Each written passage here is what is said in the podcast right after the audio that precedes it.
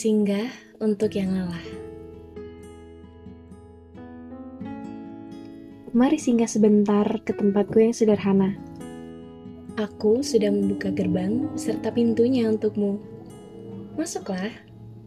Coba sejenak mengenal aku.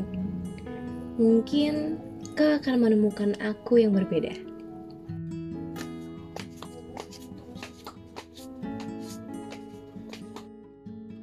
Oh, maaf kalau sedikit berantakan ya. Karena sebenarnya aku sedang malas menata pernak-pernik di dalamnya. Aku juga tidak tahu kalau akan ada kedatangan pengunjung. Jadi, ya silakan duduk dulu. Mau kubuatkan kopi, teh atau susu? Kalau boleh memberi saran, kopi susu lebih enak. Aku suka. Karena untuk saling mengenal, ada baiknya kita punya kesamaan di awal. Kamu setuju tidak? Hmm. Baiklah, aku buatkan dulu.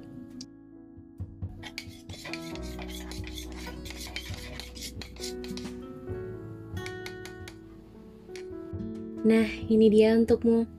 Silakan diminum. Tenang, tidak akan kuberi sianida kok. Ngomong-ngomong, bagaimana hari dan hatimu? Semuanya melelahkan ya.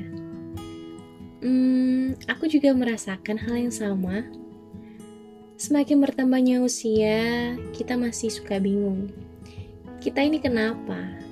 Tiba-tiba menangis di toilet tempat kerja, memaksa untuk tertawa karena terlalu lelah untuk berduka. Tersenyum dari luar dan hancur di dalam. Ya sudah, bak sementara kita saling merumahkan raga kita demi menjaga kewarasan dan demi lelah yang perlu disapu. Ternyata berbincang denganmu seramah ini ya. Tenang, senang. Semakin lama, aku semakin melihatmu kian lelah. Semakin pula membuatku porak-poranda. Tidak lama dari itu, aku melihat sisi lain dirimu yang tidak ku kenal lagi. Berubah. Tiba-tiba.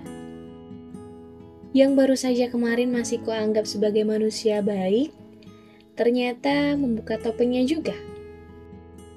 Barangkali kamu telah berkunjung ke tempat singgah yang lain. Tangannya menggantikanku menggenggam tanganmu, telinganya menggantikanku mendengarkan celotehanmu, matanya menggantikan tatapku, tubuhnya menggantikan pelukku, aromanya menggantikan wangiku, semuanya mulai tergantikan. Apa yang kau cari? Selalu akan ada yang lebih. Kalau pada akhirnya tempatku pun tidak cukup untuk kau tinggali, ya lagi pula aku tidak memaksa kau untuk tinggal. Aku tidak bisa janji untuk baik-baik saja Aku tetap berharap kamu menemukan tempat singgah yang bisa kamu jadikan rumah. Seperti dulu, kamu menjadikanku rumah. Setelah kamu berkeliling ke beberapa tempat, aku sadar ternyata jamuanku tidak memenuhi hasratmu. Ibarat soal, aku tidak menjawab pertanyaanmu, atau jawabanku yang salah, atau kamu sedang mencari jawaban terbaik untuk soalmu. Hanya saja, setelah kamu memutuskan untuk pergi, kamu bisa masuk ke pekarangannya.